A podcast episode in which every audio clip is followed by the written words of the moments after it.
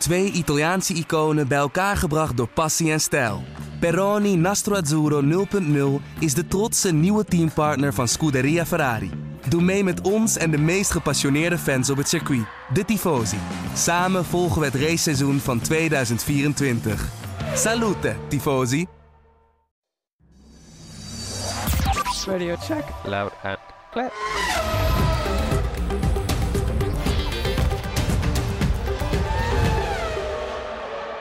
Welkom bij De Board Radio, de Formule 1 podcast van nu.nl, waarin we gaan terugblikken op het jaar 2023. Althans, ja, dat gaan we op een andere manier doen dan normaal, want mijn naam is Bas Scharwachter en ik zit met jou, Joost Nederpelt, Hallo. even in de nu.nl studio. We gaan terugblikken op de terugblik. We gaan terugblikken op de terugblik inderdaad. Ja. Ja, wij zijn het theater ingegaan. Ja. Dat eh, weten mensen inmiddels wel. Hoe ben er, nog, ben er nog een beetje schor van. Ja, inderdaad. Wat, Ja. wat een waanzinnige avond eh, was dat. Dus ja, zeer geslaagd. Ja. Ja, hoe kijk je erop terug? Nou, eh, het was natuurlijk voor de eerste keer dat we met, met de podcast in, de- in de theater stonden voor het publiek.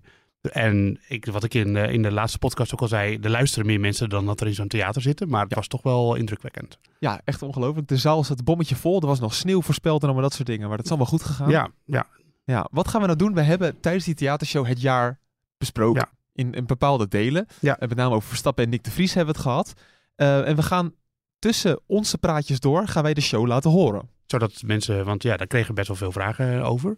Van, komt de, de podcast af, of de, de theatershow nog online als podcast? Nou, niet helemaal. Nee. Want je kan natuurlijk, we hebben een spelletje petje op, petje af. Ja, dat, dat moet je zien, dat kun je niet, eh, dat kun je niet horen. Nee, en we hebben allemaal filmpjes tussendoor ingestart. Dat Ja. is in de podcast ook allemaal niet handig. Nee, dan hoor je, zit je in de podcast te luisteren en dan hoor je hoe wij naar een video kijken. Dat is een beetje gek natuurlijk. Ja. Ja, Nou, om even in de sfeer te komen, zullen we eens gaan luisteren hoe wij daadwerkelijk het podium op zijn gekomen.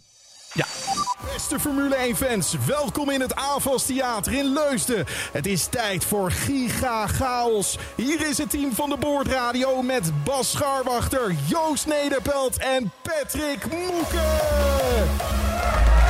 Yes, yes, yes, yes, yes.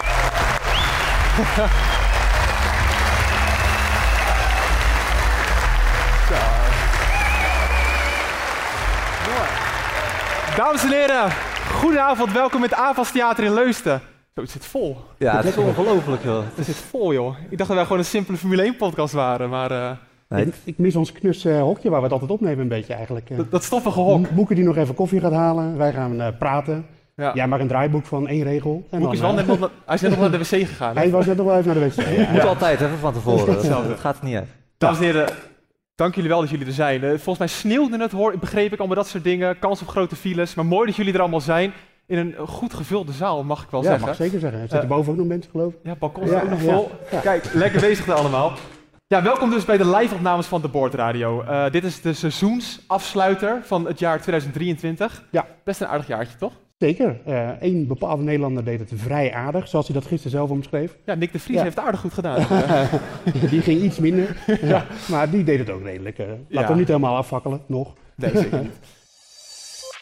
Je hoorde hier al een beetje, het publiek begon wel al te lachen om grapjes. Ja, nou ja, maar dat is, ook, eh, dat is ook leuk om te horen. Dat je, als wij hier in de, in de zeker als jij in de podcaststudio, dan lachen wij vaak niet om jouw grapjes. En jullie ook niet zo veel om die van mij. Maar nu, eh, ja, weet je toch, heb je iets beter idee hoe het publiek reageert. En ik ga er natuurlijk wel vanuit dat eh, onze grootste fans bij de, bij, de, bij de theatershow waren. Dus niet de, de af en toe luisteraar, maar dat weet je ook niet per se. En nou ja, dan is het ook wel eens leuk om te horen hoe mensen reageren op, op ons gesprekstof. Ja, bijvoorbeeld als jij een, een heel leuk grapje maakt over een bepaald Ah, ja, onderwerp. Ja, En we hebben iemand eh, vanuit, nou, niet meer de windtunnel, maar wel vanuit de aerodynamica die, uh, die Nee, iets ze gaat zit in de vertellen. windtunnel. Ze zit in de windtunnel. Ja. Zeker. Kijk uit wat je zegt, want je krijgt zo de windtunnel van voren. Ja, zeker. Heel slecht. hè? Het niveau gaat nog omhoog, eh, hoop ik. We hebben echt niks ingestudeerd. Maar ja. uit. ja, toch leuk dat de zaal lacht. Dat was toch Ja, onze ja, grootste ja. angst eigenlijk. ik weet nu hoe Hans Theo zich voelt. eh. Ja. En zo hoorde je wel dat de zaal zat er lekker in. En dat was toch wel belangrijk om een beetje van de spanning af te komen. Het was gezellig. Ja, Moeke was heel zenuwachtig. Ja. Moeke is er nu niet bij, want die moest de volgende ochtend alweer om 11 uur bij de darters zijn in Den Bosch, notabene. Ja. Dus die heeft een verdiend dagje vrij, maar eh, daarom doen wij dit even samen. Maar eh, ja, de sfeer zat er gelijk goed in. Dat, geeft ook, dat maakt het gezellig en dat maakt, geeft vertrouwen om gewoon lekker door te gaan. Ja, je zegt de Moeken, nou wij zijn er, maar waar is Hopin eigenlijk? Ja, Opin die was er ook, maar mensen hadden hem niet verwacht. Nee, want eh, heel even, we gaan, je gaat naar een ingestudeerd grapje luisteren. Heel In- ingestudeerd, In hoeverre was het ingestudeerd? Nou, eh, we hadden eerst een heel ander plan. We wilden Hopin namelijk, eh, want hij zit hier natuurlijk vaak niet fysiek bij, maar via een verbinding. Ja. En dat wilden we eigenlijk doen. Eh, doen alsof dat eigenlijk de, de hele opzet van het theater was. Maar dat hij dan later het podium op zou komen. Maar dat vonden we toch te ingewikkeld. Dus hebben we een ander eh, idee bedacht. Hij zat in een auto. Ja, voor, je moet, voor de duidelijkheid, er staat dus een, een soort van Formule 1 auto, een soort Formule Renault auto op het podium. En Hopin zit vanaf de start van de, show, van de show al met een helm op in die auto. In een benzinelucht. Want het, het stonk naar benzine in de auto. Ja, nou en toen gebeurde dit. Ja. Allereerst Joost, ik, wij zouden een Formule 1 auto regelen. Ja. Nou, het is een beetje een eh, te heet gewassen Formule 1 auto geworden. ja. Hij is klein. Hij is heel klein. Het is een eh, nog onder een Formule Renault. Nou, dat is klein hoor. Ja. En eh, nou ja, we moeten straks maar even kijken. We gaan het een beetje technisch bespreken. En er zit nu een pop zit erin. Hey joh, Hé joh, wat is dit dan? Dorie. Dames en heren, Ten! ik kan ook nooit even rustig zitten hier, hè?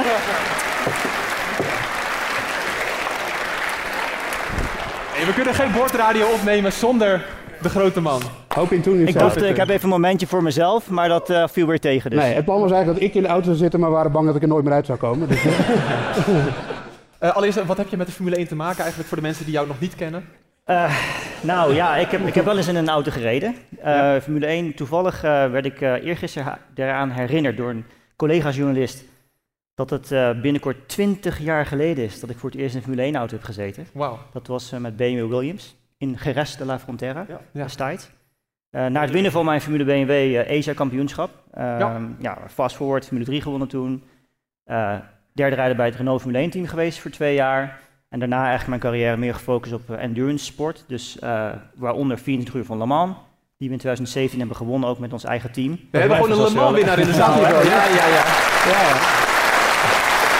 Ja, wel netjes. Ja, leuk. Met, het, eh, met het team van Jackie Chan. Zeker. Mensen kennen hem ja, wel, zeker, ja. zeker. Ja. Dus eh, nee, en eh, ja, ik ben na een korte break tijdens COVID, want vanuit mijn woonplaats Hongkong was reizen wat gecompliceerd voor twee jaar. ben ik dit jaar weer begonnen en race ik in Japan in een, ook een endurance kampioenschap. En derde bij de 24 uur van Fuji, onder andere dit seizoen. Dus we blijven doorgaan.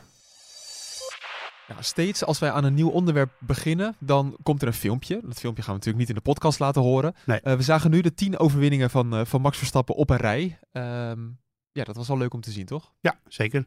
Nou ja, je moet toch een beetje met beelden in de sfeer komen. En eh, zo'n zaal wil dan natuurlijk ook wel ook even wat visueel wat zien. En er hing een joekel van een ledscherm in dat theater. Dus daar hebben we gebruik van gemaakt. Daar hebben we zeker gebruik van gemaakt. En nu ga je het, het eerste blok horen aan podcast vanuit de theatershow over Max Verstappen.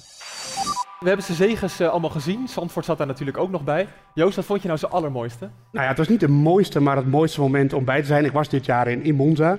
eh, en daar kwam de tien op een rij. Jullie hebben het misschien op Wikipedia gelezen dat hij daar dat eh, pakte. en eh, ja, dat was gewoon zo'n bijzonder moment. Dat, ik weet, we weten allemaal hoe goed Verstappen is, maar dat een Nederlander dat voor elkaar krijgt, dat was toch wel heel bijzonder. Dus dat, eh, dat was mijn mooiste moment van die tien. Moeke, ben je het daarmee eens? Nou, Zandvoort. Ja, dat was voor mij echt eh, de race van het jaar. Alles kwam daar samen. Natuurlijk al Zandvoort. Hè. Ja, ik ben toch een beetje chauvinistisch. Ik woon er om de hoek. Eh, ja, dat speelt toch mee. Eh, regen ben ik ook een fan van natuurlijk. eh, zoals de mensen waarschijnlijk wel weten. Ja, alles kwam er samen. Rode vlag, chaos, giga chaos natuurlijk. Het is, ja, nee, fantastisch. Zandvoort, absoluut. Ja, we werken vanavond aan de hand van een paar stellingen. De eerste mag op het scherm gaan komen. Nee, nee, de stelling is, dit was het beste Formule 1 seizoen van een coureur ooit. Hoop in. We hebben Michael Schumacher gehad, Ayrton Senna, Lewis Hamilton. Wa- Was dit seizoen nou de beste ooit van een individu? Ik vind het altijd heel moeilijk om te vergelijken. Hè. Ieder ja, tijdperk in de Formule 1 heeft natuurlijk verschillende uitdagingen, ook voor coureurs. Ik bedoel, als je kijkt, eh, 30, 40 jaar geleden waren coureurs ook vooral bezig natuurlijk met het feit van ja, als we een ongeluk krijgen, Ja. is de kans dat we letterlijk verongelukken heel groot. Hè. En, en dat is natuurlijk vandaag de dag heel anders. Maar eh, als je puur kijkt naar prestaties, wat hij natuurlijk heeft laten zien dit seizoen, is ja, ongekend. Ehm, niet zozeer alleen in de Formule 1, maar gewoon in sport aan zich. Het feit dat je weekend in, weekend uit zo kunt presteren op zo'n niveau, eigenlijk geen steekje laat vallen. En ook Ja. gewoon, vooral ook, dat vind ik vooral heel erg mooi vanuit de sportpersoon gezien, zo hongerig blijft om ook die prestatie te blijven leveren, weekend in, weekend uit. Dus voor mij betreft, niet alleen statistisch gezien natuurlijk, maar ook gewoon qua prestatie zou ik willen zeggen volmondig ja. Ja, hij hij had ook nooit genoeg. Hè? Het is, eh, ook toen hij kampioen was, altijd blijven winnen. Nou, Joost en ik spraken hem ook vaak. Het maakte eigenlijk niet uit, ook toen, het- ik was dan in Qatar erbij, dat hij die titel pakte. Eh, ja, ook qua benadering, hij, hij doet helemaal niks anders. Gewoon alleen maar blijven winnen. En dat is toch ook wel een verschil met bijvoorbeeld Hamilton, die af en toe nog wel zijn zegen aan eh, Rosberg gunde. Of aan Bottas. Ja, Verstappen die no way dat hij een cadeautje aan Perez zou gaan eh, geven, terwijl hij al kampioen is. Ja. Joost, kan je Baku nog herinneren? Ja, Ja. Baku was de laatste Grand Prix dit jaar die Verstappen niet won. Dat is al heel lang geleden. Nee, Eh, Singapore. Nee, Singapore. oh, sorry. sorry. Je hebt het ons al, eh, je Eerste kennis in blunder, huis, man. eerste blunder van de avond. Nou ja, dan komen er hoe dan ook nog meer. Als ik dit doe, kom ik aan de beurt. Hè? Eh, eh, in ieder geval, ja, dat was een race dat het allemaal even niet ging. Toen zat hij heel erg op zijn stuur te klooien. Daarna zei hij, ja, dat- hij had het daar het meest geleerd. Daar gaan we zo nog even over hebben met Hopin. Maar dat, eh, dat was toch wel heel bijzonder dat hij dan daar zo uitkomt. Hij wint de race niet. Ook een beetje door Nick de Vries, hè, die safety car. Ja. Eh, maar dan komt er een coureur uit die zegt, ja, ik reed tweede en ik heb toch van alles geprobeerd op, de, op het stuur. En heel veel geleerd. En daar eh, heeft hij het rest van het seizoen heel veel van geprofiteerd. Ja. Ja, ja want Moeke, jij was er zelf bij in Miami, hè? Dat was Ja. eigenlijk het begin van de- het hele filmpje dat we net hebben gezien. Ja, dat was het weekend daarna. En Of het, ja, het weekend daarna, Ja, zeker. en daar heb ik ook een eh, stuk over geschreven. Dat was eh, het kantelpunt eigenlijk in het seizoen. Perez die begon er echt te geloven dat hij kampioen kon worden. In ieder mediamoment wat er was, zei hij van... nou, ik heb veel geleerd, hele zomer doorgeanalyseerd, eh psychologen geweest. Eh, maar ja, eh, niks van dat alles. Eh, Verstappen won. Hij, vernederde hem bijna eigenlijk gewoon. vanaf die tiende startplek was het volgens mij. Ja, krankzinnig. Negende, ja. Oké. Maar de- 1-9. Die schenken we je. Maar, maar Joost, staan weer kit. nee, maar Joost Paas deed erbij, dus dat hij niet de wet weet. Dus. Ja. ja, mooi. Ja. Ja, hoop je- ja, vanaf daar is er iets veranderd aan Verstappen. En we hebben vorig seizoen ook wel gezien dat hij echt wel kon domineren. Ja, maar die RB19, dat is een, een rocket ship, zoals ze allemaal hebben gezegd. Wat is dat toch dat Verstappen en die auto zo goed zijn samen? Ja, het is natuurlijk zeker de combinatie van de auto met de coureur altijd. Hè. En wat ik persoonlijk als coureur zijn heel bijzonder vind aan Verstappen, is dat hij heel goed begrijpt wat een auto doet, maar dan ook voornamelijk wat er nodig is om te veranderen als iets niet loopt, ehm, dat het wel in de goede richting gaat weer. Hè. En daar bedoel ik eigenlijk mee. Vaak is het zo dat je bijvoorbeeld een simulatie hebt, of noem maar op, en die geeft een bepaald resultaat aan, bijvoorbeeld qua afstelling van de auto. Ja. Maar dat is voor een rijder heel moeilijk te rijden. Hè. En hij weet precies van, ik weet rijtechnisch wat er mogelijk is met, met dit pakket. En, en dit zijn de tools die ik moet gaan verstellen om dat mogelijk te maken. Dat is natuurlijk mede gekomen door wat Joost vertelde, Baku. Eh, maar daardoor ja, heb je gewoon dat hele, die, die controle die je ook heeft. Hè? En het feit, ik heb het wel eens eerder benoemd, volgens mij een stuk met jou, Patrick. Eh, qua rijtechniek van Verstappen is heel bijzonder. Dat hij natuurlijk, we weten het, veel mensen die hier zitten, die, die weten het waarschijnlijk ook. Hij houdt van een auto die ietsje overstuurd is. Hè? En dat wil eigenlijk mee zeggen dat als je een bocht instuurt, dat de achterkant van de auto heel makkelijk draait. Nou, we weten ook, bandenmanagement, vooral dit jaar, is een groot probleem eh, geweest voor veel coureurs. En dat is vaak de, de negatieve factor van een auto die heel erg overstuurd is. Overhitting van de achterbanden, noem maar op. Maar Verstappen, die kan en op die, met die auto goed rijden, die eigenlijk dus in theorie veel sneller is, plus bandenmanagement. En dat hele pakket samen is iets, ja, dat, is, het maakt hem gewoon uniek. Dus het is ontzettend bijzonder. Zou je nou nog zo'n seizoen willen, Joost, volgend jaar? Nee, nee. dit, is, nee dit is allemaal gedaan nu. We weten nu, hij heeft nu al laten zien hoe goed hij is. En dat kan hij ook eh, beter nog laten zien. Eh, in 2021 heeft hij dat heel goed laten zien. Eh, ook Red Bull qua strategie en ook Verstappen met inhaalacties. Eh, ik denk toch dat een coureur zichzelf zo meer zou moeten willen laten testen. Ook al zegt hij dat hij het liefst gewoon met eh, 30 seconden voorsprong wint.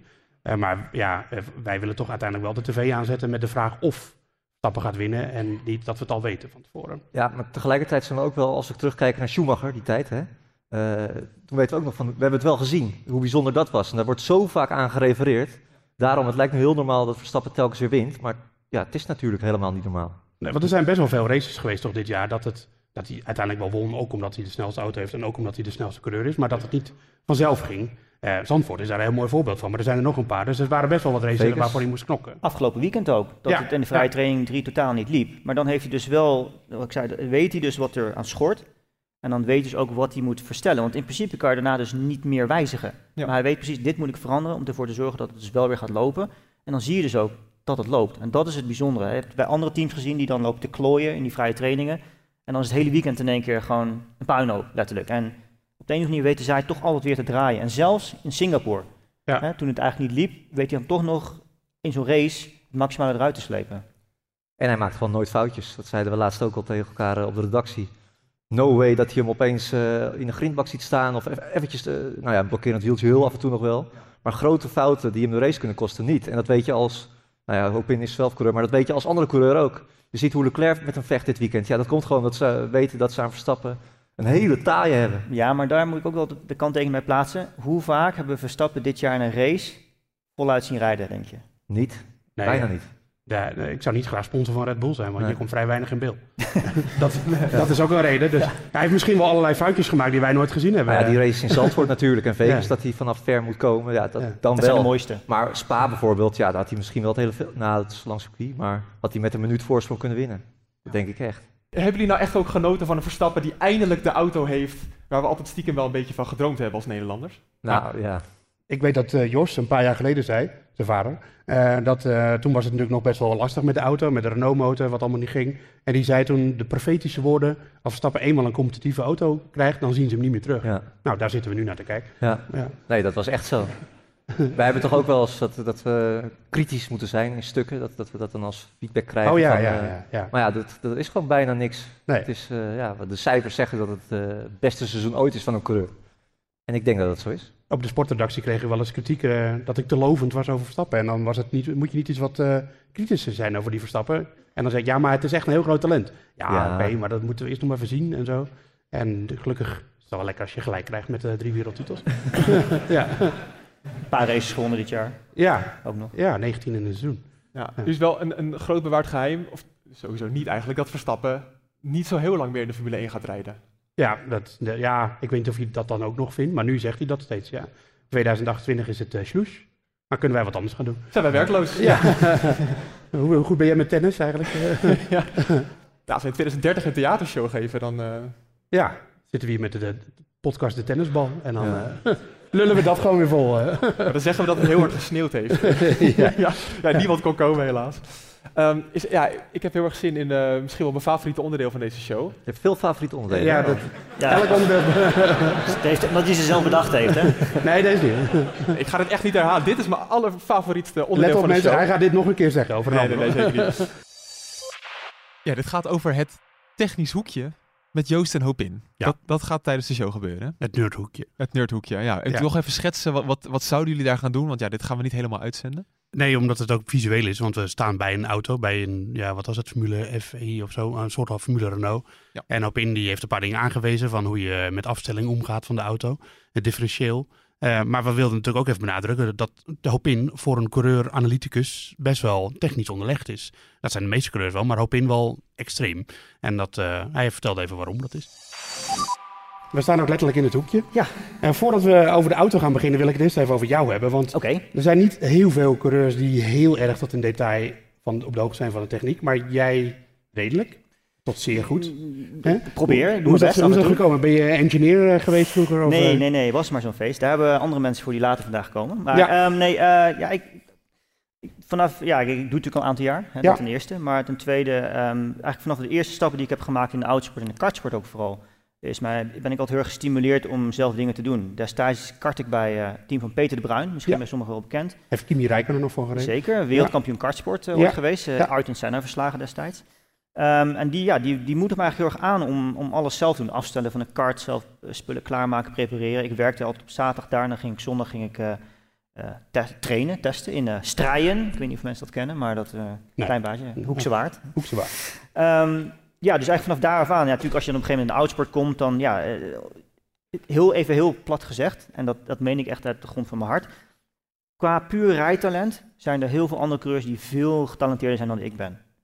Maar ik weet dat ik als coureur zijn, hè, tegenwoordig zeker, is het heel belangrijk om gewoon een complete coureur te zijn. Ja. En een van de dingen waar je dus aan kunt werken is ook gewoon technische kennis en begrijpen wat een auto precies doet. En dat, ja, uiteindelijk heb je daar een engineer voor, maar die relatie tussen rijder en engineer, dat, dat, dat kunnen vertalen is natuurlijk heel erg belangrijk.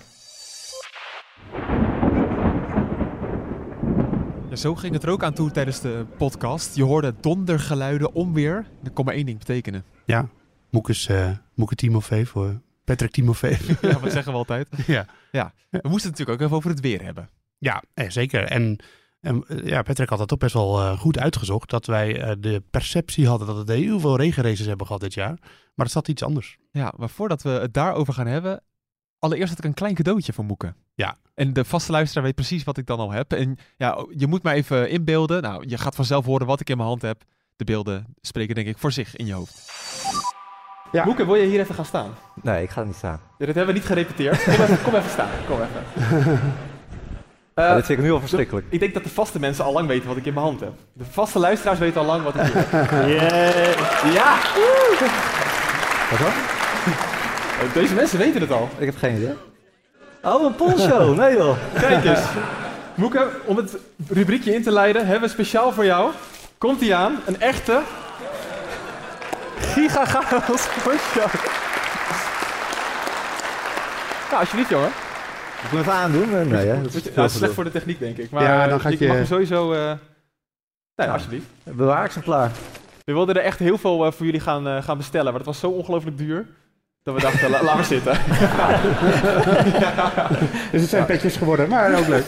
ja. Eh, Moeke, wat heb jij in godsnaam met het weer in de Formule 1?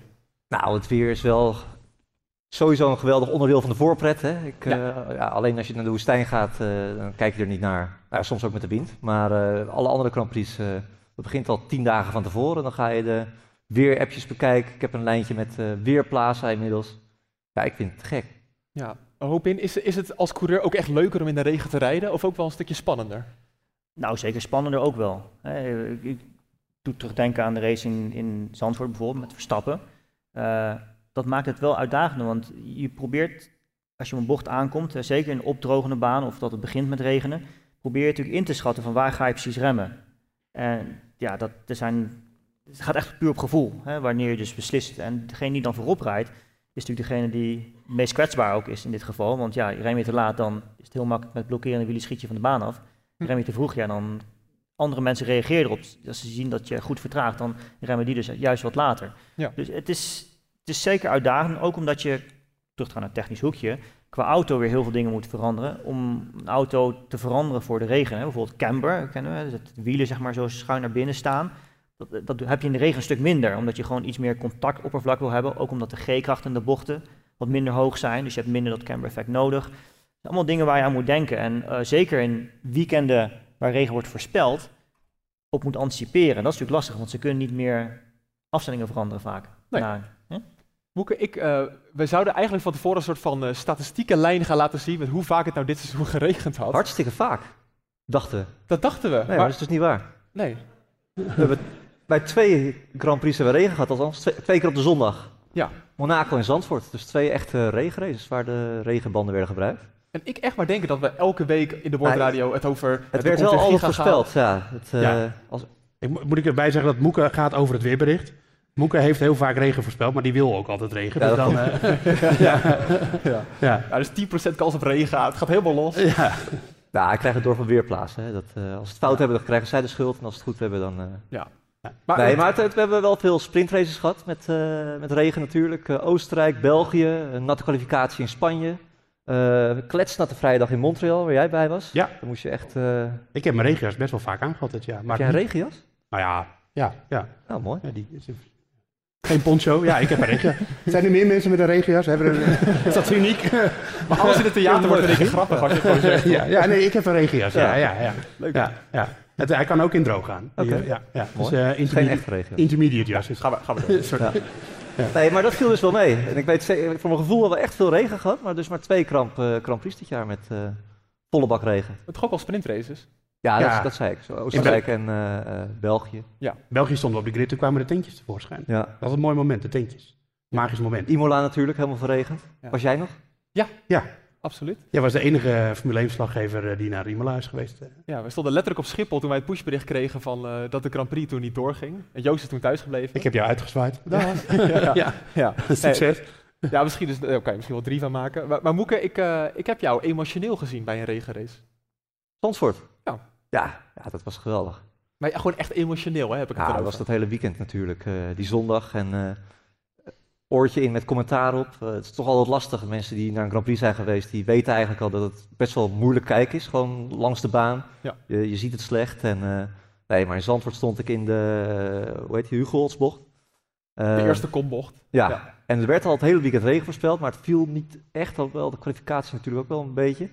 Ehm, en toen kwam die, die bij, alles ging langs het, weet je dat op die radar staat te kijken, alles ging het circuit langs. En toen, vijf minuten voor de, voor de start, opeens echt uit het niets zo'n gigawolk boven de Noordzee. Ja. Dat, Ja, eh, jullie denken dat hij alleen voor de podcast zo praat, maar zo praat hij echt. alles, is altijd, alles is altijd giga bij Moeke. Dus, eh, mij. Gigakater. Oh. Ook, ja. vaak. ja. Maar eh, ja, toen dacht ik, het zal toch niet? En ja, het gebeurde opeens mega veel water naar beneden.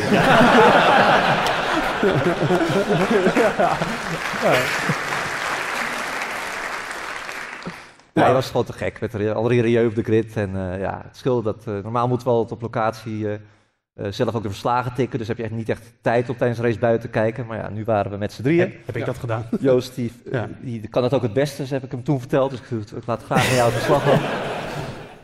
Ja. Dus, eh, Maar het is wel zo, Joost. We, we hebben nog ergens in 2018 in de podcast een kop gehad met dat het nou, waarom regent het nou nooit in de Formule 1? Je hebt altijd, tot twee uur had je een, een giga regenbui Ja, en daarna was het altijd droog. Of daarna, na de race vooral.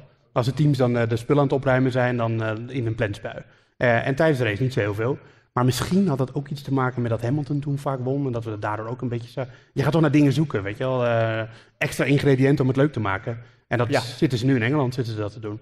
Die willen nu dat het gaat regenen. En wij zijn eh, iets meer content met veel overwinningen van Verstappen.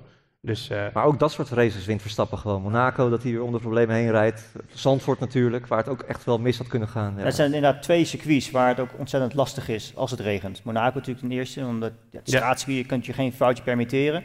En daarnaast is het zo, wat, wat interessant is Monaco is dat het in de bochten best wel vlak is, maar op het rechte stuk is het best hobbelig. Dus dat is natuurlijk al lastig. Eh, eh, zeker, en die witte lijnen die je overal natuurlijk ook nog hebt.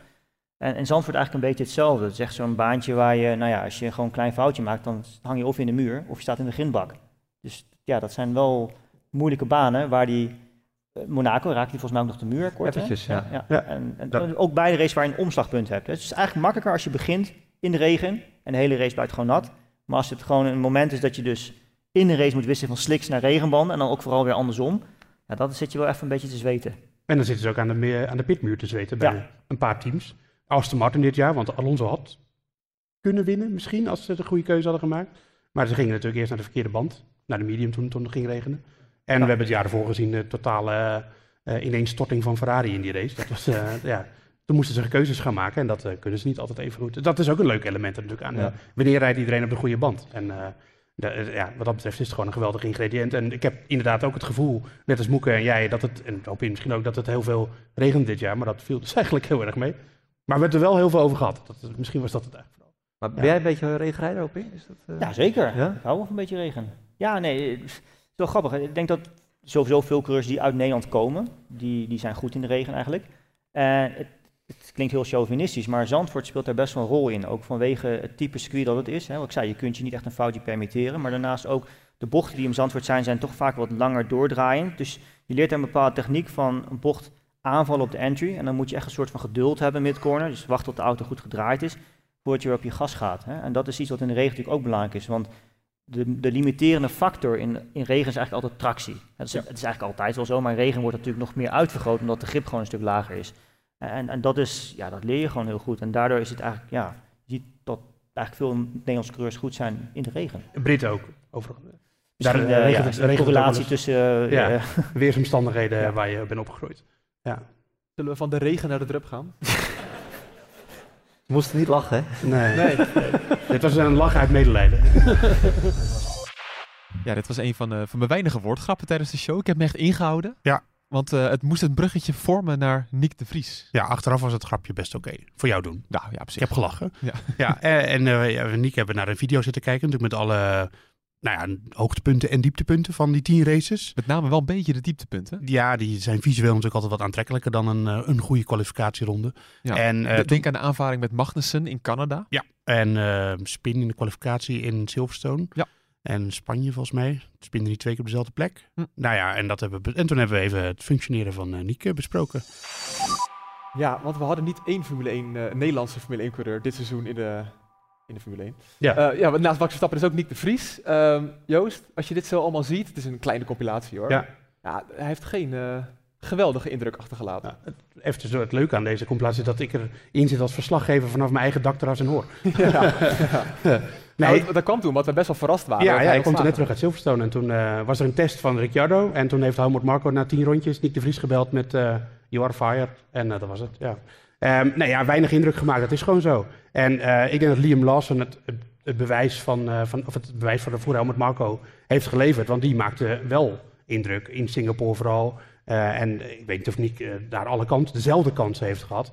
Eh, maar ja, we hebben gewoon echt te weinig van Ja, gezien. Maar toen was de auto natuurlijk ook heel erg anders. En dat maar is, je kan- als je als rookie... kan nog iets laten zien natuurlijk. Tuurlijk, ik ben daar wat dat betreft met je Ja. eens. Maar het is wel zo natuurlijk als je een auto hebt die gewoon beter is. Hè? Als je een auto, dus, eh, het begin van het seizoen was de Alfa Tauri gewoon echt een hok. Er was een Ja. baksteen op het rechte stuk. Het ding had geen downforce ook, noem maar op. En dan, dan ga je als coureur ook heel erg overdriven. Probeert echt die grens constant te zoeken. Dan maak je veel foutjes, zoals je hier zag ook hè, natuurlijk. En dat is best wel onniks, want ik, ik ken Nick uit World Endurance Championship, de wereldkampioenschap eh, lange afstandsraces. En daar was hij echt fenomenaal goed, die kerel. Dus het is echt wel dat hij kan rijden. Maar het was net een beetje een verkeerde timing, een verkeerd moment. Eh, veel te leren in een korte tijd. En ja, dat kwam er gewoon totaal niet uit. En, maar ik ben het wel met je eens. Desondanks kun je natuurlijk wel momenten hebben dat je gewoon iets bijzonders laat zien. En zeker binnen de Red Bull-familie. Die, Ja. die vinden het bij wijze van spreken niet erg als je iedere week de auto plat rijdt. Als je maar echt briljante momenten van snelheid laat zien. En dat ja, ontbrak natuurlijk ook wel een beetje. De Ja. Yuki-factor. Ja, Ja, ja, serieus. Rookie, ja. Hij, had natuurlijk ook eigenlijk een soort van mazzel dat hij erin kwam. Hè? Dat, dat zo is Red Bull. Dus je, je krijgt de kans, laat het maar zien. Maar dan moet je het ook wel laten zien. Ja, dat, als we eerlijk zijn, heeft hij dat gewoon te weinig gedaan. Ik zou eigenlijk niet weten, gewoon één moment waarvan we hebben kunnen zien dat het zo'n groot talent is. Want ja, dat heeft hij in andere raceklassen zeker bewezen. Ja, ja ik, we hadden stellingen. Ja. Dat was, eh, dat was nog een beetje het concept van, dit, eh, van deze Oh ja, stellingen. We zijn, al, we zijn gewoon weer begonnen. Ja, de stelling is eigenlijk, eh, Nick de Vries had langer de kans moeten krijgen in de Formule 1. Joost. Nou ja, ik wil nog even terugkomen wat Helmut Marko dus in het filmpje ik zou zegt. nu dat je wil, je moet wel even... Ja, ja, ja, maar dat gaat hier over. Het gaat nog steeds over Nick de Vries. Die zei van ja, hij voldeed niet aan de verwachtingen. En wij merkten in Bahrein eh, al gelijk in dat eerste testweekend of testweek, van dat hij de kar moest gaan trekken daar. Terwijl eh, Tsunoda zat er al twee jaar. Eh, eigenlijk zou hij de kar moeten trekken en uiteindelijk doet hij dat ook. Maar er werd zoveel verwacht van de ervaring van de Vries, ook in de simulator bij Mercedes. Ja. En dat is gewoon, ja, dat heeft hij niet laten zien op een bepaalde manier. Eerst was er heel veel lof nog hè, van Ja. Van Stoost over eh, hoeveel kritiek hij wel niet had op alles en hoe zijn feedback, eh, hoe hij dat gestructureerd bracht, en dat iedereen daar wat mee kon. Eh, maar ik snap niet waarom ze hem als een soort potentiële teamleider meteen Ja, zagen. hij werd er echt een soort binnengehaald als een soort verlosser. Ja, Ja. ik, ja echt. Ik zat eh, in Bahrein bij, bij dat persmoment dan met eh, Frans eh, Toost. Nou, hij moest Yuki op zijn sleeptouw gaan nemen. Eh, we noemen hem de rookie, maar dat is hij natuurlijk niet meer. Nee. Ja, en hij, hij schikte zichzelf ook wel in die positie. Misschien had hij daar ook iets meer de druk ervan af moeten halen. Dat hij had gezegd van ja, eh, ik kom ook maar net kijken. eh, laat me eventjes wennen. Aan de andere kant, dat zit ook misschien niet in coureurs eigen om dat te doen. Het is ook mooi dat je dat krijgt. Voor hetzelfde geld had hij het wel laten zien. Het laat ook zien hoe moeilijk de Formule 1 is om daar gewoon binnen te komen. Want er zijn best wel veel rookies die het gewoon niet halen. Piastri is dan dit jaar de uitzondering. Maar ja, die heeft ook tijd nodig gehad om even te wennen. En dat is Maar- echt een toptalent. Daar is een heel groot verschil in. Hè? Met Piastri was het grote verschil dat hij natuurlijk vorig jaar, op kosten van Alpine, eh, iedereen weet misschien nog wel hoe dat gegaan is, eh, heel veel kilometers heeft gemaakt in een eh, Formule 1 auto. Weliswaar een oude, maar wel met Pirelli banden. En dat zijn dan ook weer eens demo-banden vaak, dus het is niet helemaal hetzelfde. Maar ik denk wat een heel grote rol heeft gespeeld, is dat Nick ook al een paar jaar uit nou, deze eh, omgeving was. Ja, maar hij heeft ook veel getest natuurlijk. Lange jaar afstandsrace heeft hij gedaan? Mm, niet Ja, veel. jawel. Dat heeft hier vrije trainingen gereden, toch? En in de simulator gezeten. Ja, maar dat is toch anders. Het gaat vooral ook om die, om die preparatie van banden, warm-up en zo. Je ziet hoe kritiek dat is ook. Zelfs coureurs die een vol seizoen rijden, eh, zelfs eh, binnen teams, eh, die, om dat precies, dat, precies dat juiste window te, te vinden. Er is geen negatief woord over Pirelli, want eh, iedereen heeft een petje gekregen. maar Pirelli echt die, top, de, de Ja. echt fantastisch. We wilden ook eigenlijk een technisch hoekje wilden we wat doen over banden, graining, blaren. Maar gek genoeg wilde geen fabrikant banden beschikbaar stellen daarvoor. Ik weet niet eh, waarom dat eh, was, maar... Ehm, nee, maar dat, dat komt zo nauw. Hè? En die banden zijn gewoon heel erg temperatuurgevoelig. Dus als je net dat fijn... Dat heeft gewoon wel wat tijd nodig. Dus ik, ik vind wel dat hij iets langer tijd had moeten krijgen om tot prestatie te komen. Maar zo is de Formule 1 nou eenmaal. Je levert niet, dan... Ja, zeker bij Red Bull weet je gewoon... Je krijgt die kans, lever niet, word je eruit gekikt. Het is wel heel jammer dat hij niet in deze Alfa Tauri heeft Ja. kunnen rijden natuurlijk. Als je ook ziet hoe, eh ja, Lawson die ging al beter natuurlijk. Eh Ricciardo heeft in Mexico gewoon dingen laten zien. Dat zijn gewoon momenten dat je kan zien dat hij het wel kan. Ja. Maar ja, zo hard is het bij Red Bull natuurlijk. Dat is gewoon wel. eh, het zit hem wel een beetje dwars, denk ik zelf, dat hij die kans niet langer heeft gehad. Hij, hij komt op mij een beetje gefrustreerd over. Dat, dat vind ik wel, en dat vind ik ook wel lullig voor hem. Want eh, Ja, je, leeft, Dus, ja, eh, je leeft toch eh, als coureur, dat heb jij ook meegemaakt natuurlijk op in, dat je daar naartoe leeft en die eindelijke stap en dan komt die kans en dan mislukt het. En dan, en dan heb je ook nog, ben je ook nog eens de landgenoot van iemand die het zo ongelooflijk goed doet. En ook op voorspraak van wie je nog in die auto bent gekomen, want dat speelt natuurlijk ook een rol. Eh, ja, dan, dan snap ik wel dat de frustratie erin. Tijdens de show kreeg ik de kans om ook in het publiek hun mening te vragen. Nu Democratie, hè? democratie inderdaad. er kwam geen besluit uit, maar dat maakt niet uit. Nee, Een peiling meer. nee de, ja, precies. Nu is de microfoon van degene die geïnterviewd is niet opgenomen. Dus voor de mensen die terugluisteren, ja, dat, dat kunnen we helaas niet horen. Waarom eigenlijk niet? Ja, dat was gewoon technisch niet mogelijk. Hmm. Nou, helaas. Ja. Eh, maar wat we wel hebben gedaan, is de mensen gevraagd naar hun mening over sprintraces. En mensen konden een petje op, petje af doen. De, de, waren allemaal petjes van Pirelli die daar lagen. Schokkend resultaat. Schokkend resultaat. Ja, Ja. ik denk dat je vanzelf wel gaat horen wat, eh, wat de uitkomst is. Ja. Zullen we eens even kijken wat petje op, petje af eh, gaat werken? Ik zal de microfoon zo erbij houden. Ehm, iedereen heeft natuurlijk een petje gehad. We gaan het heel even hebben over sprintraces. Eh, je weet, al- de vaste luisteraars van ons weten dat sprintrace was bij ons echt een discussiepunt. Moeten we daar nou mee stoppen? Oh, oh. Ja. Sorry. Eh, moeten we nou stoppen met sprintraces of niet? Eh, mag ik even de petjes opzien als je wil dat we volgend jaar weer sprintraces moeten hebben? Nou, dat zijn er toch best wel veel. Moet je kijken? Wauw. Of zijn jullie allemaal betaald door Petje op Pirelli? is dat sprintraces behouden moeten worden. Hè? Dit is gewoon letterlijk gewoon ja. 80% van de zaal. Ik denk wel meer zo. Ga jij eens even vertellen? Ik ga ze even vertellen. Kijk, eh, jij hebt er ook eentje om. Hey Pim, ben je het er ook mee eens? Ja, ik ben zeker voor sprintraces. Ik heb echt een bloedhekel aan Formule 1, dus hoe korter, hoe beter.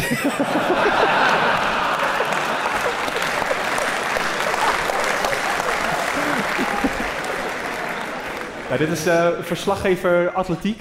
Dus eh, ja, die heeft helemaal geen verstand van. eh. Daarom zei ik, hey Pim, ik herken hem wel. Even kijken, willekeurig, wat vind jij ervan, Rick? Eh, hoe meer Formule 1, hoe beter. Dus eh elk weekend sprintrace wat mij betreft. eh. Oké, hoe, hoe was onze verhouding ook alweer? Wie was nou tegen een beetje van jullie? Ik was eh, tegen met een paar eh, aanmerkingen erbij. Ja, en Moeke ja. is tegenwoordig voor, die is overgelopen. Nou, ik was. nou, ja, je, je kan er niet omheen dat het, wie- het weekend is gewoon interessanter. Kijk, ik snap ook wel dat je niet alles hoeft te kijken, maar ja, de, de, de liefhebber toch wel. Vrijdag één training, je gaat ervoor zitten. Kwalificatie op vrijdagmiddag, ja, heerlijk. Ja, nee, eh, wat ik al eerder eh, in de podcast ook wel eens gezegd heb, dat eh, als je bijvoorbeeld in Canada bent of echt van die publieksevenementen, Silverstone, Spa natuurlijk, dan is het, en Spa was dit jaar een sprintrace, maar dan is het mooi dat er ook voor het publiek op vrijdagavond, vrijdag al wat op het spel staat. En dus die tribunes zitten allemaal niet voor niets vol, er zitten niet voor eh, eh, 60, twee keer 60 minuten alleen maar rondjes rijden.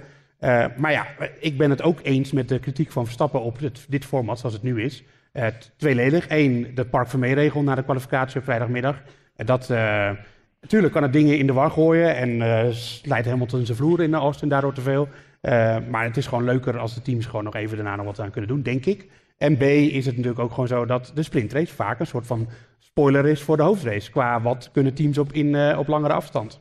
Ja, dat vind ik zelf ook heel jammer, dat je op Ja. zaterdag al de verhouding hebt gezien. Ja. In Qatar zagen we dat nog bijvoorbeeld. Ja, en, en dit, dit jaar maakt het ook niet zo heel veel uit. Maar dan heb je af en toe nog de illusie dat McLaren erbij zit. Of Mercedes of Ferrari. En dan zie je in de sprintrace Verstappen weer wegrijden. En dan denk je, nou, dan hoeven we morgen eigenlijk... eh kunt verslag voor de hoofdrace al schrijven. Ja, maar, Ja. maar toch, ook zeker toen Verstappen kampioen was, dan ga je weer drie uur lang naar trainingen kijken. Eh, Maar jij bent de man Ja, maar- die zei... Ik vind het geweldig om naar trainingen te ja, kijken. Vrijdag is- training kijken. dat kleine jongetje in jou is Ja, ergens... dat, eh, is mooi voor de Kan engineers. ook hè? allebei. Oh ja, oké. Maar het, het, het, het grootste nadeel is natuurlijk als het, als het regent vaak. Hè? Dat je weet als dat, de sessie zegt dat het nat is in de vrije training, dan wordt er weinig gereden. Eh, Dus ik was eigenlijk in eerste instantie wel een voorstander van die sprintrace. Dan gaat het meteen om de knikkers, dus het meteen om iets eh, daadwerkelijk mensen moeten gaan rijden. Maar ik ben het gedurende het seizoen wel meer ermee eens geworden dat het format dan wel echt moet veranderen. En dat Ja, en zeker dat- het park van mee open moet na dat een gaat gebeuren waarschijnlijk. Ja. Want ehm, uiteindelijk is het natuurlijk, een beetje kolder als je erover nadenkt. De, de teams die werken met eh, 1000, 1500 man aan zo'n auto om een optimale auto te bouwen. En dan is het echt, eh, nou, eh, na 30, 60 minuten vrije training ketsen we maar wat erop. En we hopen maar dat het eh, werkt voor de rest van het weekend. Ja, zoals Horner Best zei, wel- en dan ja. kunnen de, de engineers kunnen eigenlijk gewoon naar huis. Want die kunnen eigenlijk niks meer doen. Alleen nog over eh, de volvleugelverstellingen. En, en natuurlijk wat waar we het net allemaal over gehad hebben. Dus dat was niet helemaal waar wat hij zei. Maar dat, eh, ja, dus dat is, vind ik ook gewoon zonde. Maar als we Eh, daar nou naar kijken, hè, een paar tweak- het, het gaat, kijk, wij zijn ook niet het publiek. Kijk, wij kijken toch wel, ook naar die trainingen. Het gaat met name om die, om die nieuwe Maar- Formule 1-fans. Ja, haalt ook wel een beetje de scherpte van het weekend af natuurlijk. Hè? Want het, ik vind dat wel mooi. Hè? Het is natuurlijk niet alleen in de Formule 1, maar met alle sporten. Je hebt natuurlijk gewoon eh, atletiek, hè, waar we het net over hadden. Eh, je hebt een opbouw en dan heb je die, die halve finales. En dan uiteindelijk, dat hoogtepunt van dat weekend, daar draait het om. Dat, dat is hetgene wat het, het belangrijkste is. Dan, Ja. Wa- wat je zegt, ja, dit haalt toch een beetje die scherpte daar vandaan. Die, die attentie van die hoofdrace weg. En dat vind ik eigenlijk wel een beetje jammer. Alsof je bij de Olympische Spelen bij de 100 meter sprint, dat ze eerst even 30 meter gaan rennen nog. En dan, eh, Ja, ja, ja, een beetje zonde. Ja. Ja. Dat sprint. je Het haalt, beetje het haalt ja, gewoon de glans van het hoofdmenu af. En natuurlijk zijn er leuke sprintraces geweest. Eh, maar ja, over het algemeen voegt het volgens mij niet zo heel veel toe. Ja, maar Joost, je kan wel een mening hebben, maar de zaal is het echt volledig ja. met je oneens. Hè? Nou ja, dat, maar daar voel ik me prima bij. ja. ja. Maar wat gaat er nou, want we hebben denk ik afgelopen weekend een, een mailtje gekregen van de FIA, er gaan wat dingen veranderen. Ja, we weten alleen nog niet wat. Maar die Park mee regel die gaat er wel uit. Want daar zijn alle teams helemaal klaar mee. Eh, dus dat is eentje die gaat veranderen. Ehm, wat gaat er gebeuren met die tweede kwalificatie? Eh, dat slaat Hmm. eigenlijk natuurlijk ook helemaal nergens op. Eh, die moet misschien ook wel weg. Ze willen het nog losstaander maken. Maar hoe, dat werd er nog niet bij verteld. Ja, maar er wordt wel vaak gesproken over een apart klassement, dus een apart Ja, sprintklassement. maar dat zou ik al Ja, dat helemaal ik onzin vinden. ja, dat is, nee. Ja. Doe, dan, doe dat dan, maar doe dan met eh, allemaal met een... eh, Rookies. Ja, of rookies of allemaal met dezelfde auto. Dat je ze allemaal in een Fiat Panda zet of zo. eh. ja, dat is wel lachen. Ja, dat zou ik geweldig vinden. zou wel heel leuk zijn. Ja, Ja. En dat dan Lance Stroll in één keer de meest getalenteerde blijkt te zijn. Zal het zeggen. ja, dat hij heel goed blijkt in een Fiat Panda. Ja, ja. ja mijn moeder vroeger ook. ja. nou, zijn moeder had vroeger een Rolls Royce, geloof ik. Dus eh, ja. nee, dat, eh, dat lijkt mij dan leuker. Maar dit, eh, nee, dat eh, op zichzelf staand, kom op. Waar gaat het dan nog over? Ik heb nog iets anders te denken. Zullen we het publiek er even bij te betrekken? De, mogen weer de petjes even erbij gepakt worden? De omgekeerde startgrid. Dus dat betekent dat we het hele veld gaan omgooien. Denk er even over na. Petje op als je wil dat dat gaat gebeuren. Dit is democratie, hè? Dit, eh. Dit is democratie. Maar daar gaat niks mee gebeuren. Maar dat, eh. Ja, ik vind deze wat moeilijker. eh, Ja, meer niet, denk ik. Meer niet. Ja. Meer niet dan wel. Dus meer mensen willen het gewoon lekker natuurlijk houden dan gewoon op een normale manier. Nou, maar het scheelt, er zijn er toch best wel veel. Ja. ja. Was, Ja, was- maar ik, ik, ik ben daar wel mee. Daar wordt nu al zo lang over gesproken. Hè, dat we het, wel- het moet gewoon een keertje proberen. Laat het, eh, dat het al 10, 15 jaar gaat erover om het leuker te maken. Laat het gewoon een keertje zien. Dan zijn we ook van die discussie. Nou ja, waarschijnlijk wordt het leuk. ja. Want je, tuurlijk, je gaat in al acties zien. Hè. Het druist wel een beetje in tegen de Formule 1. Maar eh, ja, ik ben wel toch, omdat, ook omdat het, het gaat er al zo lang over. Ja, maar is het sport Nee, of is het entertainment? nee maar als je, dan, als je dat ook apart houdt. Ja. Ja, maar uiteindelijk is zo in reverse grid, in dit geval dat je alles omkeert, is natuurlijk wel, ja... Gaan mensen ook proberen expres langzaam te zijn en strategisch eh, zaken proberen... Ja, nee. Ik hoorde de discussies nu ook gaan. Gewoon Ja, Dat is echt, eh, nee. ik, sorry, de hele zaal is heel onrustig op Ja. ja, is er wat gebeurd of zo? Ja. Nee. Even koppen. Jullie mogen straks in de foyer eh, praten. Maar ben je, het is toch een beetje dat kunstmatige hè, erin. Dat Ja. hebben we bij de sprintrace ook al gezien. Zou je zo'n omgekeerde grid wel leuk vinden? Want ik wil heel graag Verstappen wel vanaf P20 naar voren zien rijden. Ja, dat zie je toch sowieso wel een aantal keer gebeuren, ieder jaar toch? Ja, dat is Ja. trouwens waar. Ja. Het zijn wel mooie races om te zien, daar ben ik het 100% mee eens. Maar dat is ook gewoon op. Hè, hij haalt dan ook wel mensen in die eh, ja, op, wel op merit vooraan staan, hè, ook gewoon op prestatie. En uiteindelijk, als je een hele grid omkeert, ik weet niet of dat het goede recept is, omdat maak je, eh, ga je dan een race om entertainment of om sport? Hè? En ik vind het gewoon, ja, nee, nee, ik, ik ben er geen voorstander van. Zeker niet. Ja, met de omgekeerde grid, als Nick de Vries nou nog had meegedaan, hadden we alsnog een Nederlander aan kop gehad. dat ik nog aan te denken. Ja, ik denk dat Nick, eh, die had zijn petje op. Waar zit hij? Ja. Ja. Ja, ja. Geintje natuurlijk. Geintje natuurlijk. Ja. Je wilde zelfs wel een show halen, maar eh, nee. Nee, die, komt niet meer. Nee, sorry. Nee. Nee. Ja, kortom, eh ja, sprintrace, ja, het blij- blijft gewoon een discussiepunt in de Formule 1. Het is ook gewoon, kijk, we hebben Las Vegas gezien, daar is de nieuwe standaard gelegd. Dit moet booming worden. Moeke, jij was er natuurlijk zelf bij in Las Vegas. Putdeksels. Nee, ja, ja. Ik bedoel gewoon de show eromheen. Weet je, wel. Formule 1 is tegenwoordig veel meer dan alleen maar gewoon die rondjes rijden. Ja, ja. ja dat, dat is zo, maar tegelijkertijd. Ja, kijk naar Verstappen, die daar totaal geen fan van is natuurlijk. Het is, eh, daar moet de Formule 1 ook aan denken. De echte puristen, ja, die, die, die, die jagen wel een beetje tegen je in het harnas. Want Verstappen had gewoon gelijk natuurlijk. Dat het alleen maar over eh, randzaken gaat en minder over het race. Ja. Ja. En het is dat, dat, eh, dat effect, zeg maar, dat ze die nieuwe doelgroep, dat zijn natuurlijk ook allemaal van die millennials die de aandachtspannen hebben van een wandelende tak. Zoals jij, die eh, halverwege een aflevering van Band of Brothers al verveeld is en zo. Dus het moet allemaal het was snel, snel. Ja, kom op. eh, verdiep je ergens eens in, dan is die race ook veel leuker. Maar je hebt, in, je hebt in een sprintrace ook geen strategie. Ze starten allemaal op één band, pitstops zijn er niet. Nou, en dan kijken wie de beste longrun heeft, dat is alles. Ja, Sommige races had je, van de Formule 1 had je prima op TikTok kunnen kijken. Dat was zo kort qua actie. Ja, nou ja. Prima geweest. Ja, dat doe je maar lekker zelf. ja. Nee, jij weet er niet van. En ik, als, eh, ik moet even aan Las Vegas denken. Hè. Oké, de Formule 1 is heel erg aan het experimenteren. En dan ben je in Las Vegas geweest. Hoe loop je daar dan rond? Omdat jij toch wel echt Formule 1 liefhebber bent. En niet Op per zoek- se op alles eromheen. Zoek naar die gokautomaten natuurlijk. Zeker, ja. Ja. Nee, nee dat hoe is dat reuze mee. Ehm, ja, het, eh, heel het, eh, atypische ervaring. Gewoon dat je op de, op, de, op de weg loopt en er rijden auto's overheen. Geen raceauto's, maar gewoon openbaar vervoer. Eh, en s'avonds is dat een racebaan. Ja, dat was echt zwaar over de top. Al die, al die hotels, al die lichtjes, vuurwerk. Ja, jij zegt nieuwe standaard. Is het in zekere zin ook wel. Ook wel, maar dat gaat denk ik niet, toch niet normaal worden. Nee? Nee, nee zo, te, te gek. Zo Maar dat moet, dit top. moet toch ook de, de knaller van het jaar blijven? Ja. Dus als, En- als je dit overal gaat doen, dan, eh Je merkte dan daar is- trouwens valt al, het niet meer op. ja, je merkte daar trouwens al aan dat in, eh, ook, ik was ook in Miami natuurlijk, maar dat die Grand allemaal best wel tegen elkaar aan het opboksen zijn. Austin is al best wel gelouterd, hè, daar komen we al 14, 15 jaar. Eh, is echt een goed evenement, eh hoogste, eh, meest aantal toeschouwers ooit van een Grand Prix volgens mij nog steeds. Zo'n 160.000 per dag. Daar, daar leeft het wel, maar dat, is, dat heeft ook een eigen cultuur gekregen. Ja, en Vegas, het is gewoon zo dat daar de meeste mensen puur om er te zijn, hè, gewoon door de hele sfeer. Een kaartje kost, het goedkoopste kaartje voor de race was 1100 dollar. Ja, krankzinnig. Ik heb het niet. Ehm, ja, dat, dat, ja, dat blijft een soort... 1100 euro. Niet meer sinds Las Vegas heeft hij niet. De die, eh, Ja, nee, dat klopt. Ja, dat is daarachter gebleven. Ja. Maar eh, ja, ik, ik, ja het, ze hebben een tienjarig contract, maar het is natuurlijk niet voor de lange termijn op Maar- een of andere manier. Maar volgend jaar wordt het wel beter. ja. Want het- kijk, ik denk het moeilijke wat Vegas natuurlijk had, die putdeksel is één ding, maar de valse start die ze natuurlijk hebben gehad, is het feit dat ze misschien wel enigszins over hoofd hebben gezien, dat je, kunt nog zoveel entertainment omheen hebben, nog zulke spectaculaire beelden hebben, maar wie worden er altijd geïnterviewd?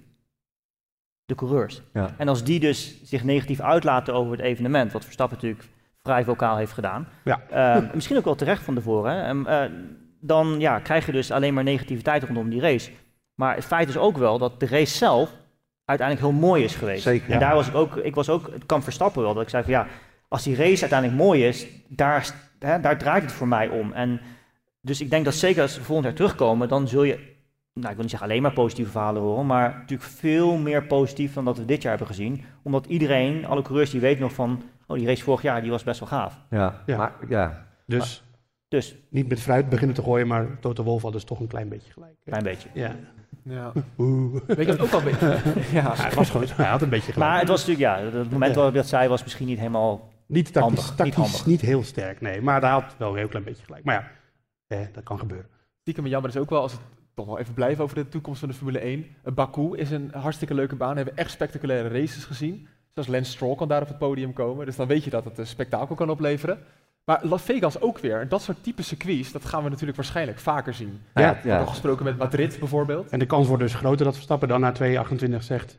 Succes Goed, met je stratencircuits, eh ik ga lekker wat anders doen. Ja, maar En, dan krijg je eh, een soort Formule E. Dat, dat wil toch ook niemand? Nee, en eh, ja, nee, dat is, eh, je moet wel die balans zien te bewaren. En eh, ik denk dat het voor sporten, eh, je, je- ze spreken vaak over destination events, dus dat je in Miami, Las Vegas, dat zijn natuurlijk klinkende namen. Dat is beter dan, eh, Sp- nou ja, Spa is dan misschien een verkeerd voorbeeld, maar noemen ze een, eh, een of andere lullige plek waar we zijn geweest de afgelopen jaren. Portimao onthoudt niemand.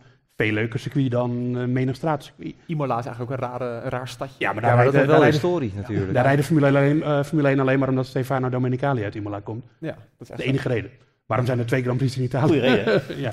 ja, maar als je de baas bent, dan zeg je gewoon, eh, ook even een Grand Prix in mijn thuisplaats.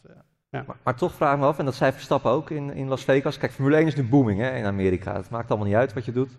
Mensen komen uiteindelijk toch wel. Maar komen die ook als Drive to Survive stopt over drie, vier jaar? Hè? En eh, Verstappen blijft alles winnen en het, eh, het interesse neemt af. Hm. Ja, daar ben ik wel benieuwd naar. Daar ben ik ook heel benieuwd naar. Ja, dit was het inhoudelijke deel van, eh, van de podcast. Daarna kwamen er nog een paar leuke rubriekjes voorbij, zoals een quiz. We zijn eh gequist Ja, door om een een- collega. Om een kalender van Valtteri Bottas. Die heeft een soort van halve naaktkalender. Ja, Ja, Ja, daar had je ook maar bij moeten zijn ik heb hem gewonnen, maar ik heb hem niet gekregen. Nee, spoiler. Nee. Nee. Eh, nu is het ook zo dat het spoor van, de- van de presentator daarvan, eh, dat- dat kon niet opgenomen worden. Dus die, sowieso een quiz Die luisteren. met sterft nu van binnen hoor, als hij dit hoort, dat hij niet is Ja, ja, dat vindt hij jammer. Ja, we hadden ook allemaal plaatjes op het scherm. Dus het is altijd moeilijk om dat als podcast te horen. Ook al hadden mensen dat graag gewild. Daar hebben we bewust toch niet voor gekozen. Daarna hadden we een hele leuke, leuke gast. In, en dat mochten we niet opnemen. Van McLaren. Ja, Eh, Emil Tankaya. Ja. En die werkt in de windtunnel van McLaren.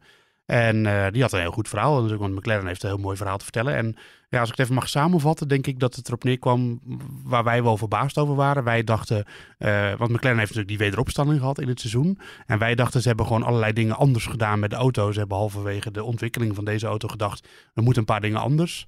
En eh, toen is die wederopstanding daardoor gekomen. Maar dat is eigenlijk niet zo, zegt zij. Zij zei, we zijn gewoon heel anders gaan werken. Hm. En we hebben het proces van de auto maken is hetzelfde gebleven. Maar wij hebben gewoon veel meer inzet op bepaalde aerodynamische onderdelen gekregen. En veel meer mensen die daaraan eh, aan mee gingen werken. Ja, ze gaf ons buiten de, de uitzending om wat voorbeelden. Dat er soms wel één iemand aan een bepaald onderdeel van de auto werkte. En het waren er nu in één keer tien. Omdat Ja. ze dat toch heel belangrijk vonden. En de belangrijkste naam die ze noemde was Andrea Stella. Ja. De, de, de nieuwe teambaas. Dat natuurlijk zelf is dat ook een engineer. En die is, eh, ja, daar was ze echt lyrisch over. En eh, zijn, zijn manier van werken, zijn aanpak heeft ervoor gezorgd, deels. En het is een team, teamprestatie, maar dat ze zo goed zijn geworden. Ja, bijvoorbeeld, ze gaf ook een voorbeeld waarin ze zei dat Andrea Stella zat gewoon op de vloer. Ja. Erbij. Ja, die praat ook met hun allemaal zelf. En de, de vorige head of aerodynamic eh dinges, die, eh, die zag ze nooit. Die zat in een hokje en die was opeens, opeens was hij weg. Die had ze nog een keer om tien uur s'avonds gesproken, zei ze toch? Ja, en toen was hij de volgende dag ont- opeens ontslagen. Ja, Ja, zo dus- werkt dat in de Formule 1. Ja, Ja. Ja. Een heel interessant verhaal met eh Emil eh Chankaya. Jankaya. Ja, Ja, we hebben geoefend op de uitspraak, want dat willen we natuurlijk wel ja, goed je doen. herhaalt het alsnog aan. nee, nee, maar we gaan eh, zeker nog wel eens proberen om met haar wat uitgebreider te praten in podcastvorm. die komt er. Gewoon, die, die beloven we bij deze. Ja, absoluut. er. En dan eh, horen jullie dit ook allemaal. Dus, eh, Ja, dan gaan we er nog, eh, nog eh, specifieker op in. We hebben ongeveer 20 minuutjes met haar gesproken ja, in maar de show. McLaren vindt het allemaal heel eng hè, om over dit soort dingen eh, iemand te laten praten. Ja, Dus, eh, mensen denken, ja, wa- wat stom dat je niet... Maar we mochten het niet uitzenden. Nee, Dat nee. Was, want anders had iemand van McLaren in de zaal moeten zitten. Ja, en dat kwam nu even niet uit net na het seizoen. Dus eh, kijk, ML die hoeft natuurlijk niet naar de races toe, dus die kon gewoon eh, komen. Maar eh, mensen die net uit Abu Dhabi, die hebben natuurlijk geen zin om dan nu in een eh, maandagavond in een theatershow te zitten. Moet je helemaal naar Leusden. Nee, en de meeste communicatiemedewerkers van McLaren die zijn dan gewoon op het circuit. Dus ja, dat, eh, dat ging hem gewoon niet worden. Nee. Nee, Nee. En, maar ja, voor ons was het eigenlijk beter. voor- Want de mensen die in eh de theater zijn geweest, die hebben wel dingen gehoord die je denk ik niet in een podcast terug gaat horen. Nee, dat is ook Nee. alweer zo. Dus toch, want, omdat ze dan toch minder voorzichtig was, om, Ja. omdat het niet werd opgenomen. Nee, een stukje exclusiviteit. Ja, dat is, Ja. ja. dan had je, had je er toch wel bij moeten zijn. Ja, precies. nee, klinkt grof, Nou maar ja, het is gewoon zo. Ja, is zo. Ja. Ja. Daarna hebben we ook nog een stukje couleur lokaal gedaan. Voor de, voor de mensen die zich toch afvragen, wat hebben we nou eigenlijk gedaan? Eh, jouw ja, ik heb jou nog verrast met een filmpje over hoe een richtingaanwijzer werkt. Ja, dat is stomme gedoe over dat ik niet kan autorijden, wat, eh, wat niet waar is. Op enkele uitzonderingen dagen Ja, later. daar komen we op terug. We hebben natuurlijk over de avonturen van, eh, van Moeke in Miami gehad met Ricky's Wings, waar die, waar die vijf keer heeft gegeten En, in de- Miami. en afgezet met Uber. Niet afgezet op een plek, maar afgezet.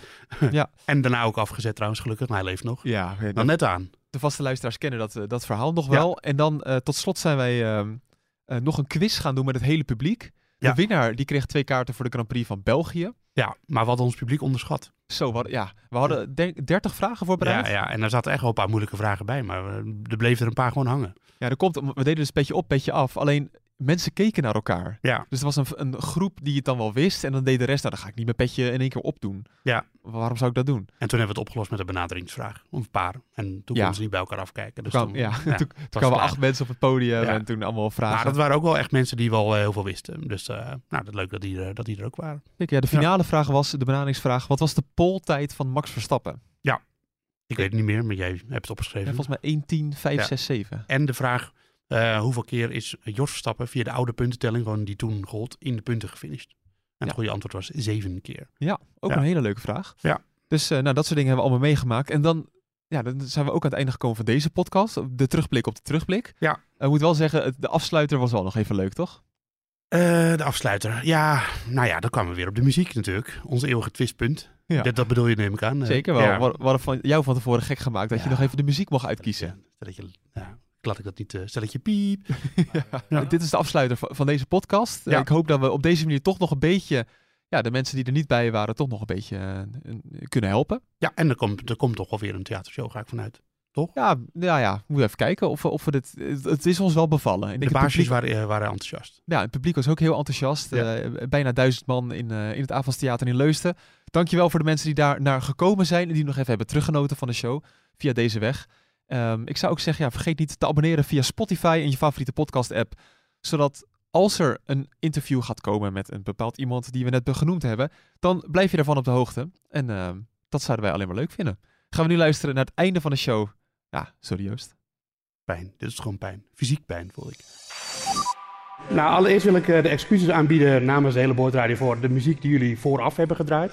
Eh, Dat is prima. daar stond ik niet achter, Wesley Bronkhorst en al die andere meuk.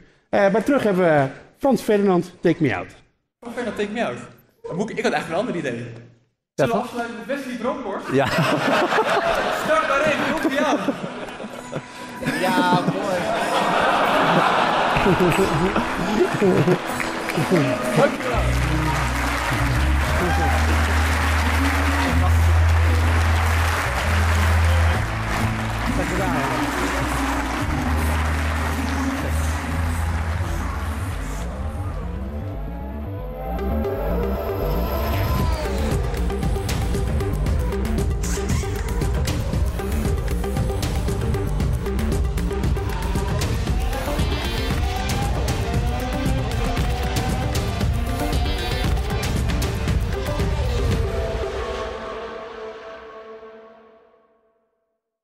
Twee Italiaanse iconen bij elkaar gebracht door passie en stijl. Peroni Nastro Azzurro 0.0 is de trotse nieuwe teampartner van Scuderia Ferrari. Doe mee met ons en de meest gepassioneerde fans op het circuit, de Tifosi. Samen volgen we het raceseizoen van 2024. Salute, Tifosi!